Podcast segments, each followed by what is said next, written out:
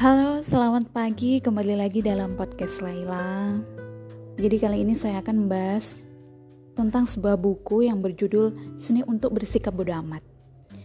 Jadi di dalam buku ini ada sebuah cerita yang sangat menarik, menarik sekali untuk uh, dijadikan sebuah inspirasi. Di dalam salah satu babnya ada sebuah cerita tentang kesuksesan dari salah satu tokoh bernama Bukonsky. Yang sesungguhnya dia itu nyaman sekali dengan cerminan dirinya yang dianggap sebagai sebuah kegagalan. Dia itu masa bodoh dengan kesuksesannya sebagai seorang penulis buku terkenal.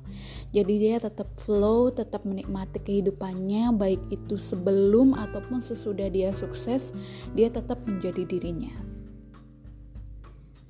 Percaya atau tidak, memang itulah uniknya menjadi manusia hanya sedikit binatang di bumi yang memiliki kemampuan untuk berpikir dan meyakinkan diri sebelum melakukan sesuatu.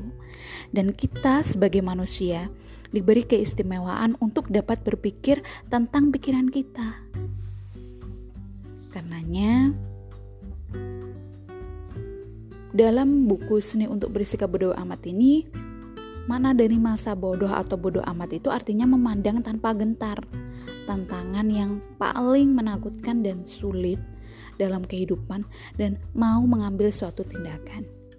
Jadi masa bodoh ini bukan kita yang mau lepas tangan, enggak.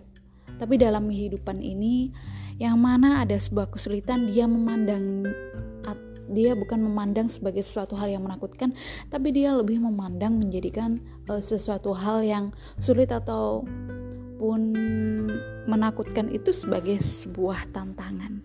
Jadi kita berani untuk tidak ada di zona nyaman, tapi kita berani untuk ditekan ataupun merasa tertekan, tapi itu melatih kita untuk menjadi lebih baik. Karenanya seni untuk bersikap bodoh amat itu gimana sih caranya? Yang pertama, nyaman saat menjadi berbeda. Jadi setiap manusia itu kan memang pada dasarnya itu diciptakan berbeda. Jadi kita harus belajar untuk nyaman. Menjadi diri kita yang berbeda, untuk menunjukkan ekspresi kita yang berbeda tanpa menyakiti sesama. Yang kedua, peduli dengan hal yang lebih penting dari kesulitan.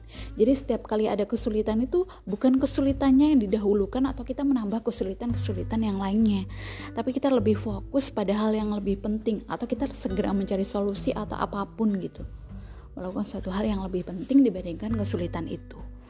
Lalu nomor tiga, entah disadari atau tidak, kita itu selalu memiliki sesuatu hal untuk diperhatikan.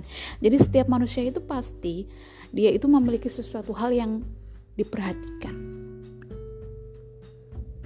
Jadi apa yang menjadi kelebihan dari kakak-kakak itu silakan ditunjukkan. Silakan diolah agar orang itu melihat kita, oh, jadi dia itu punya spesialis ini ya, dia itu punya spesialis ini. Nah, Kenapa sih harus seperti itu? Ya karena kita memiliki sesuatu hal yang berbeda, kita memiliki sesuatu hal yang spesial. Ya, karenanya itu harus ditunjukkan. Nah, itu adalah satu gambaran dari salah satu bab dari sebuah buku yang berjudul Seni untuk Bersikap Beramat. Jadi jangan lupa untuk bahagia, Selamat meramu kisah baru dan tidak lupa saya mengucapkan selamat tahun baru 2022. thank you